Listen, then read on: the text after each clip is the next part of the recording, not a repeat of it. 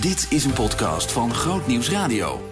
Zorgen voor je ziel. Met Ronald Koops en Reinier Sonneveld.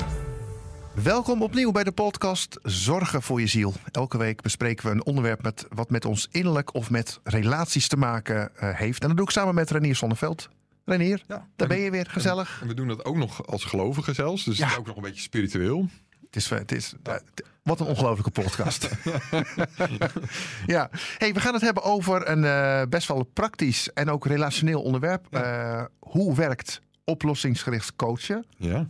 Nou, dus we zijn, eh, over Je weet- 20 minuten zijn we allemaal volledige coaches. jij weet, ja, ik wou ik zeggen, worden nu in één keer opgeleid tot coaches allemaal? Nou ja, laat ik het zo zeggen. Het is ja. Dus als je, als je coach bent of daar ambities in hebt, dan, dan leer je, ga je heel veel leren de komende 20 minuten. Blijf luisteren, blijf luisteren dan. Maar het is ook. eh, dus ik heb er de dingen uitgehaald die je ook als, zeg maar, als gewoon mens kunt, eh, kunt gebruiken in een gewoon gesprek. Waarbij je soms probeert iemand een beetje verder te helpen. Oké. En er zit natuurlijk iets, hè, er kan iets ongemakkelijks in zitten op het moment dat je mensen adviezen gaat geven of weet ik veel wat. Of, en überhaupt de, je een beetje coachend gaat opstellen ten opzichte van, eh, van iemand.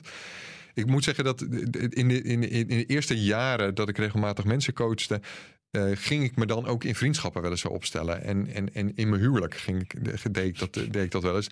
En dat is natuurlijk Ja.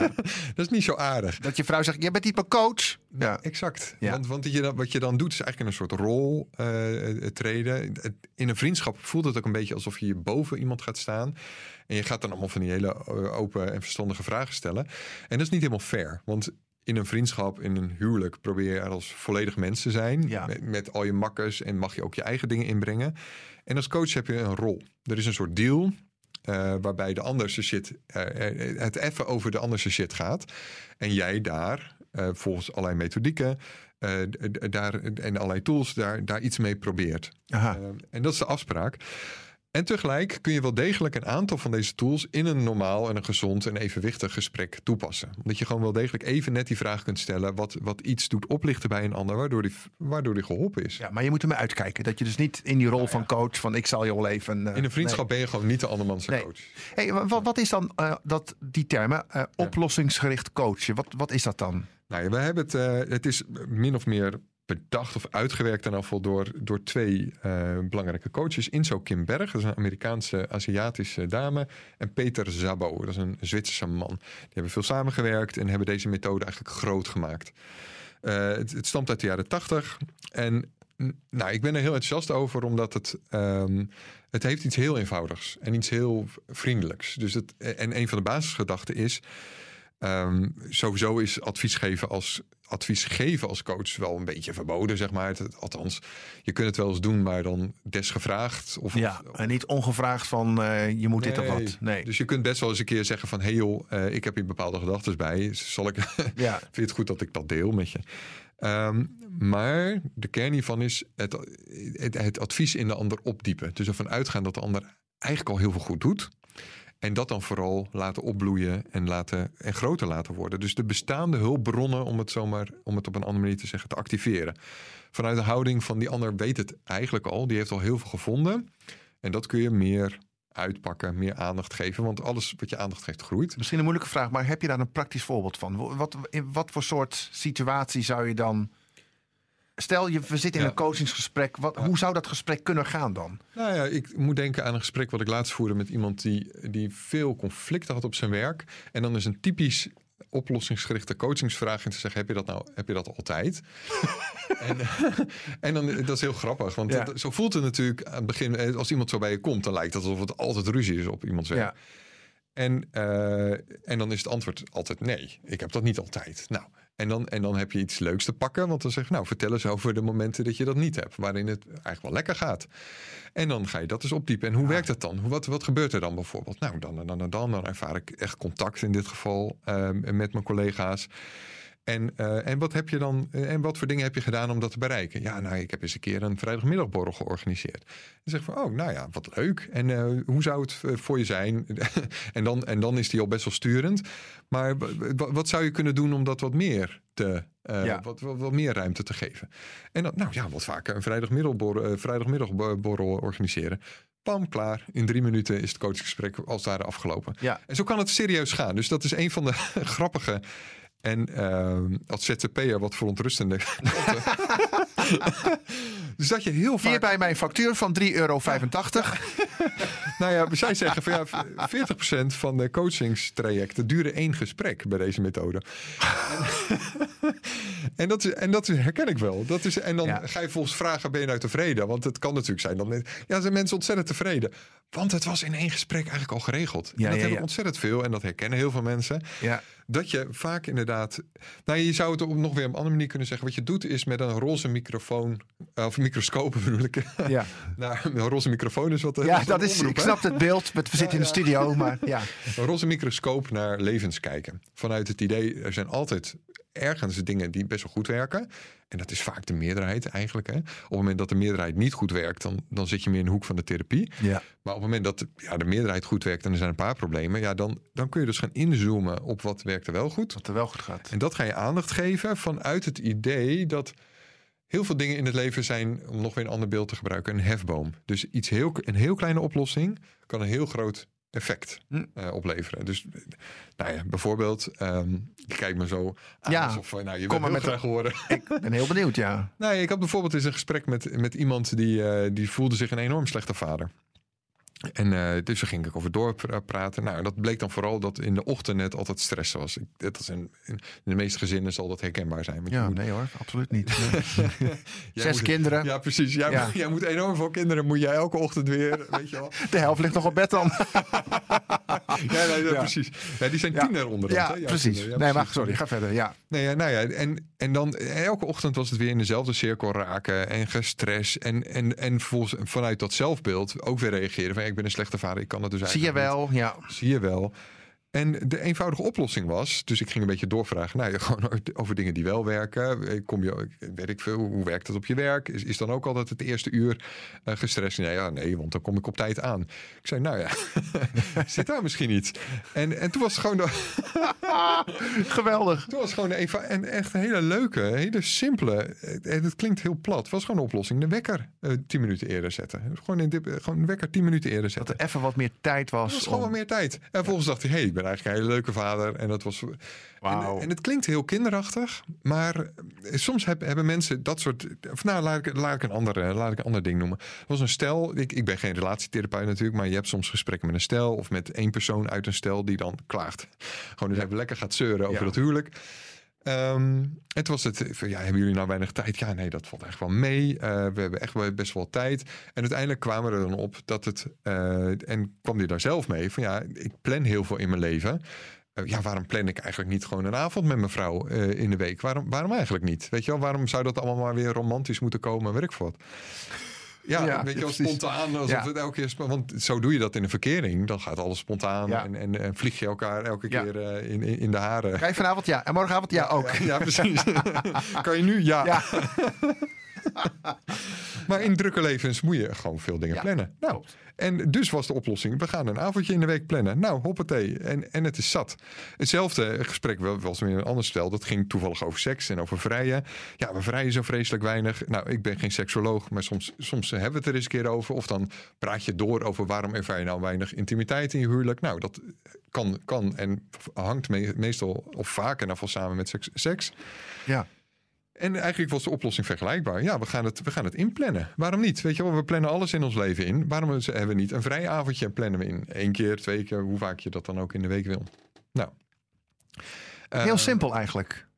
Dus het enige punt hiermee is dat soms iets heel kleins een hefboom kan zijn om vervolgens te denken van hé hey, ja, maar eigenlijk, eigenlijk, ik heb nu in ieder geval genoeg tools om het vervolgens zelf te doen. En dat vind ik een van de hele emanciperende eh, eh, dingen van, deze oplos van het oplossingsgerichte coach. Dat je, hé, je komt. Het, het is heel erg erop gericht om, om iemand niet afhankelijk te maken van jou als coach. Om Ja. elke keer maar weer dat schouderklopje om zelf eh, de regie te blijven Exact. houden. Ik wil straks met je hebben over de, over de tools die je Ja. echt kunt inzetten. Maar meer even van, eh, nou ja, oplossingsgericht coachen heb, betekent ook een oplossingsgericht gesprek. In plaats van een heel zwaarmoedig gesprek of een reeks van gesprekken. Hoe werkt zo'n praktisch dan, hè? zo'n Ja. oplossingsgericht gesprek dan? Nou, het werkt dus inderdaad niet dat je dus gaat vragen van hoe zat het nou allemaal met je vader en je moeder en hoe vreselijk was dat en welke trauma's heb je opgedaan. Natuurlijk ga je het er even over hebben. Ja. Uh, maar vervolgens, nou je zou kunnen zeggen dat een oplossing bestaat uit drie ehm, soorten talen of drie onderdelen, namelijk een verlangen, Mhm.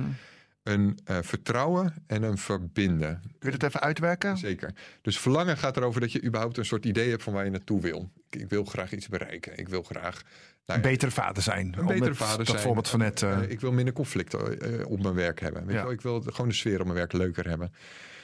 Vertrouwen gaat erover dat je een besef hebt dat je, dat je de tools hebt of de mogelijkheden hebt om inderdaad ook veranderingen te, te maken. Dus vertrouwen gaat over ja, er is, er is genoeg om handen om inderdaad ook aan de slag te gaan. En verbinden gaat over een soort afspraak met jezelf. Een, een, een commitment aangaan met jezelf, een belofte aan jezelf doen. Ik ga dat ook doen. Dus ik weet, ik heb nu een aantal ideeën en dat en dat ga ik ook doen. Bijvoorbeeld, ik ga de komende weken of de rest van mijn leven ga ik elke vrijdagmiddag een, een vrijdagmiddagborrel. Ja. Eh, dus dat is commitment. Of we hadden net die hele simpele voorbeelden van 10 minuten eerder de wekker zetten. Dat is Ja. een vorm van commitment. ja. Nou, als je die drie, en het ideaalst is ook nog in die volgorde, als coach of als vriend of als, als partner, ben je daar alert op. Dus op het moment dat je taal hoort wat over verlangen, eh, vertrouwen of verbinden gaat, bij voorkeur zelfs in die volgorde, dan ga je daarop aan, dan ga je dat versterken. Dus je gaat daar concreet naar vragen. Eh, je gaat concreet vragen van wat, wat wil je nou graag? Waar hoop je op? Wat zou je willen bereiken in dit gesprek? Dat vraagt naar verlangen. hè? Ja, ja, ja. Op het moment dat mensen zelf enorm gaan klagen. Ja, ik wil niet dat eh, het, het is zo'n ellende op mijn werk, weet ik wat. Dan Ik wil je- niet nog een conflict hebben ja, ik wil week. niet nog een conflict Ja. hebben. Dat is dan, eh, maar dan ga je dus, dus dan ga je soms een beetje klierig kan dat zijn. Ga je selectief samenvatten. Niet scheef samenvatten, maar dan de meest sturende variant is dan Je wilt, dus minder, je wilt dus meer hardlopen, begrijp ik. ja, nee, exact. Die dus niet. maar, je, dan, dus de, maar een faire manier daarvan is zeggen van... oh, ik hoor dat je gewoon graag een fijnere sfeer wil op je werk. Ja, dan draai hem eigenlijk om, hè? Dan draai je hem om. En dat is de, de meest sturende wat je kan doen dan. Maar het levert al heel veel op. Want het is een andere... Ja, dat wil ik. Want...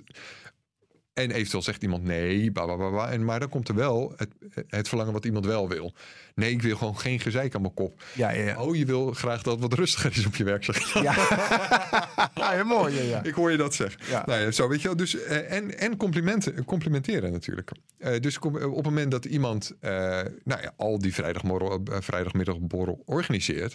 of eens een keertje heeft gedaan, dan zeg je dan van versterken. Dus weer dat versterken van... hé hey joh, ja. Wat, wat een goed idee. Wat, Ja. eh, wat, eh, en dan gaat iemand meestal zelf wel aan het werk... en zegt van, oh, maar eigenlijk kan ik dat wel vaker doen. Je duwt iemand even op een ander sportje, hè? Dat eigenlijk soort Ja, van, en dus je, je gaat die verlangen, die taal van verlangen, probeer je naar voren te halen. Die ga je versterken. Die taal van vertrouwen ga je versterken. Dus dan kun je vragen stellen als van, van nou, wat, wat geeft jou eigenlijk vertrouwen dat je dit kunt? Wat, wat, eh, wat helpt jou hierbij op dit moment al? Eh, op welke schaal? Dus een typische oplossingsgerichte coachingsvraag is vragen naar een schaal van op de schaal van 0 tot 10 hoeveel vertrouwen heb je? Ja. En, en dan stel je dus een hele leuke vraag. Waarom heb je eigenlijk niet minder vertrouwen dan dat? Waarom, Oh. waarom is het eigenlijk niet een 1 of een 0? En dan komen dus, want soms... Dan moet je wel positief zijn. Ja, dat is, Ik heel ben toch blij grappig. dat jij mijn coaching bent, zeg maar goed. dat is heel grappig, want iemand zegt... Ja, ik heb maar eh, ja, drie, weet je wel. Heel, een enorme... De echte, de echte sikkeneur, die zegt Ja. ik heb een drie. Dan zeg je van, joh, maar wat, eh, hoe komt het nou dat niet eigenlijk een nul is? En dan komt er toch nog Ik iets vind het nogal wat drie. Zo, Ja, ja, wow. ja. Ja, wat bijzonder. ja, het, is, het heeft iets... Het, het, Ja. Als je zo over praat, heeft het iets heel grappigs. Maar even een, zij, even een zijwegje. Hoe komt het dat, dat, dat, dat mensen vaak een... Want ik maak het in interviews ook wel eens mee. Ja. Dat mensen iets heel pijnlijks of verdrietigs in, in hun jeugd kennelijk of zo... als een soort van norsheid of zo kunnen overbrengen. Als een soort hardheid. Snap je wat ik bedoel? Ja, nou, En, en hoe ja. plik je daar doorheen? Ja, de- alle mogelijke redenen. Maar een norsheid en hardheid zou ik zeggen... dat is in het algemeen gewoon een, een verdedigingsmechanisme. Op het moment dat jij maar de aanval inzet... dan, dan, dan word jij minder aangevallen. Ah. Dus norsheid en aanvallen en, en zagrijn zie ik in eerste... dat is, dat is een soort ze- dat is zelfverdediging. Maar de aanval zou dan kunnen zijn dat ze bang zijn... dat iemand ze met, met liefde en kwetsbaarheid Dat aanvalt. kan het zijn. Dus niet gewend zijn om, om eens een keer positief benaderd te worden. Eh, er zit ook wel iets in dat, nou ja, wat je kent, dat is op zijn minst vertrouwd. Dus dat, dat, en, dus dat is op een bepaalde manier veilig. Ja. Dus er zit altijd iets bedreigends aan een oplossing. Want dat is nieuw. En dat kan ook echt misgaan. Dus het, Ja. het- nieuw gedrag. Dus bijvoorbeeld eh, een, niet de hele tijd maar stressen, s ochtends vroeg, voor, eh, als het gaat over deze vader. Ja, kan ook. eh, Betekent het dat ze eens een keer te laat op school komen? Of kan ook, weet je wel, bijvoorbeeld, Ja, eh, noem eens wat. Nou, daar Ja. zit iets bedreigends in. juist. In de nieuwe oplossing. Om, om maar eens wat te noemen. Hey, we, gaan, eh, we, we gaan gezien de tijd nog Ja. even naar de praktische tools voor een, een gesprek wat echt helpend is voor een ander. Zeker. Er zijn er een heleboel, maar noem er eens een paar. Zeker. Dus het, de kern is dus het versterken van de taal van verlangen, van vertrouwen en verbinden. Op het moment dat je dat hoort, ga je daar, ga je daar op doorvragen. Ja. Ga je dat selectief samenvatten. Ja. Dus de, de kant wat er verlangen, vertrouwen of verbinden aan is, dat ga je naar voren halen. Of complementeren. En laten we een beetje, de- toch ietsje, ietsje meer douwen op dat c- complementeren. Ehm, drie adviezen over goed complimenten geven, want dat kun je ook overal gebruiken. Dus dat is voor coaches fijn, Ja. maar dat is ook voor vrienden en, en partners en zo fijn. Of collega's. Eh, wees een beetje nauwkeurig in je compliment. Dus eh, we zeggen vaak al, oh wat goed, of wat stoer, of weet ik wat. Ja. Maar Dat heb je goed gedaan, maar wat dan? ja, wat dan? Weet Ja. je wel? Eh, dus eh, maak er alsjeblieft een volzin van. Ik, eh, ik, ik vind het eh, bewonderenswaardig eh, dat je, dat je. Wat ben je toegewijd? Weet je wel? Ik bewonder dat. Dat is, al, dat is echt al zat. En mensen kunnen daar maanden op gaan als ze dat één keertje horen. Eh, je kan het non-verbaal doen. Door gewoon eh, te, te zeggen van jongen, zo zeg. eh, Wauw. Of, of grote ogen op te zetten. Ja. Dat is al heel aanmoedigend om door te gaan. En dat doe je natuurlijk als coach. Als, als vrienden is het allemaal te, te, te gericht, zeg maar. Maar als Ja. coach doe je dat natuurlijk op de momenten dat je dat verlangen, dat vertrouwen, dat Ja. verbinden hoort. Dan ga je, wow, weet je wel. Ja. En dan denken mensen, "Oeieuw," en die gaan, wow, die worden helemaal wakker. Ja. En er komt allemaal dopamine los. Wat een vrijdagmiddagborrel, mensen. Ja, ja. Wat een vrijdagmiddagborrel. Nou, inderdaad, ja. Vertel eens meer over die vrijdagmiddag. Dat je dat toch allemaal maar weer doet. Ja. En je hebt de indirecte truc, dus dan stel je eigenlijk een, een vraag waarin het antwoord onvermijdelijk compliment is. Namelijk, hoe is je eigenlijk gelukt om die vrijdagmiddag Oh, ja, ja. Wow, hoe is je, hoe, of waar ben je eigenlijk goed in? Of waar ben je trots op? Dus dat zijn vragen die, die bijna... Je dwingt mensen dan om positief Exact. te denken. Nou, dat is al heel lekker. Je kan... Wat een leuke is, die hoort, dat is een typische oplossingsgerichte coachenvraag. Dus die hoort echt bij deze. Want complimenten, dat hoort overal bij, zal ik maar zeggen. Maar dat Ja. hoort echt bij deze techniek. Is je zou hem de oplossingsvraag eh, kunnen stellen. Namelijk, dan ga je dus je verbeeldingskracht instellen, eh, inzetten. Van stel dat het wel werkte. Wat zou er dan anders zijn dan nu? En vooral, wat zou jij dan doen? Dus stel dat, dat het eh, gewoon helemaal gezellig was op je werk. Of dat jij een helemaal leuke vader was. Wat zou jij dan doen? Wat, wat, hoe, hoe zou jouw leven er dan uitzien? Wat zou jouw inbreng dan zijn? Ja. En dan zie je bijvoorbeeld, ja, stel dat ik een leuke vader ben. Ja, dan zou ik eh, wel eens knuffelen met mijn kind. Of zo, weet ik veel. Dan zou ik daar tijd voor hebben. En dan is natuurlijk de volgende vraag van, doe je dat wel eens? Eh, oh, ja, Ja. ja, Ja. Nou ja, en dan is dus het antwoord ja, altijd ja. Ja, wel degelijk wel eens. En hey joh, wat, eh, eh, hoe, hoe, hoe, hoe zou je je leven kunnen inrichten dat dat wat vaker gebeurt? Dus er is altijd al iets van wat mensen verlangen. En waar mensen denken van ja, dan zijn allemaal problemen opgelost.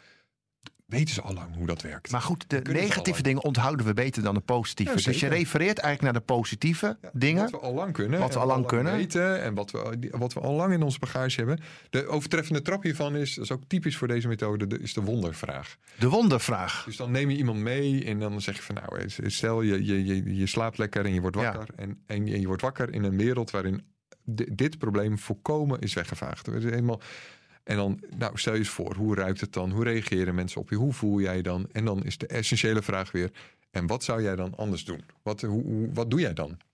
En dan blijkt ook altijd dat dat dingen zijn die jij nu al kunt doen. Ah, En daar zit dus een enorme bron van creativiteit en, en, en, en ideeën over ehm, het, nou ja, het anders aan te pakken. We hadden het net al over de schaalvraag. Dus dat stelt een vraag van, nou, van 0 tot 10. Wat, eh, hoe zit je? Hoe zit het met je vertrouwen? Hoe, eh, hoe, hoeveel, eh, hoe, hoe erg heb je al iets aan jezelf beloofd? Hoe erg heb je zin in om nu al een afspraak met jezelf te maken? Nou, dat is eigenlijk al meer dan nul. En dan ga je door naar van, nou ja, vertel, wa- waarom is het eigenlijk, is het, is het eigenlijk geen nul? Weet je wel? Dus je hebt blijkbaar al best ergens wat vertrouwen. Oh, oké, nou, je hebt al Ah, ja. ergens wat verlangen om, nou ja, zo. Ehm, en, nou ja, laten we, om, om een beetje af te ronden, dat- zit heel goed op de taal. Ehm, maar een aantal woorden om te vermijden, hele eenvoudige woorden om te vermijden en te vervangen door andere woorden. Dus dat, je hoort ze vaker, maar ze werken verdraaid goed. V- eh, liever en zeggen in plaats van maar. Dus maar zet een beetje, suggereert dat iets wat de ander heeft gezegd daarvoor ja, dat het niet helemaal... Ja. niet helemaal klopt. Een voorbeeldje daarvan? Eh, en, nou ja, weet ik veel. Jij zegt, eh, ik, ik voel me zo ellendig. En dan zeg je, ja, maar je voelt je ook wel eens goed, toch? precies. Ja. En dan denken we van, ja, oh, wacht even. Ja, maar ik voel me ellendig. Ja. Dus die ander gaat daarop door. ja. Eh, dus, dus het is altijd nuttiger om te zeggen... eh, eh, ja, en, en je voelt je wel eens eh, geweldig, bij wijze van spreken. Ja, om- ik, ja, nu- ik snap het. Ik snap het. Hij is nu een beetje plat, maar het werkt altijd. weet je, je, als je, het, je laat het er meer echt zijn wat die ander zegt. Gewoon door een simpel woordje als en. Al was het maar omdat als je zo je zin begint met en, ook de rest van de zin anders wordt. Dus ook de rest van de zin geeft meer ruimte aan die ander. En bij maar ga je toch een beetje, ook een be- beetje in het negatieve hangen tegenover die ander. Je komt een beetje tegenover elkaar te staan. Ja. En ook de rest van de zin wordt anders.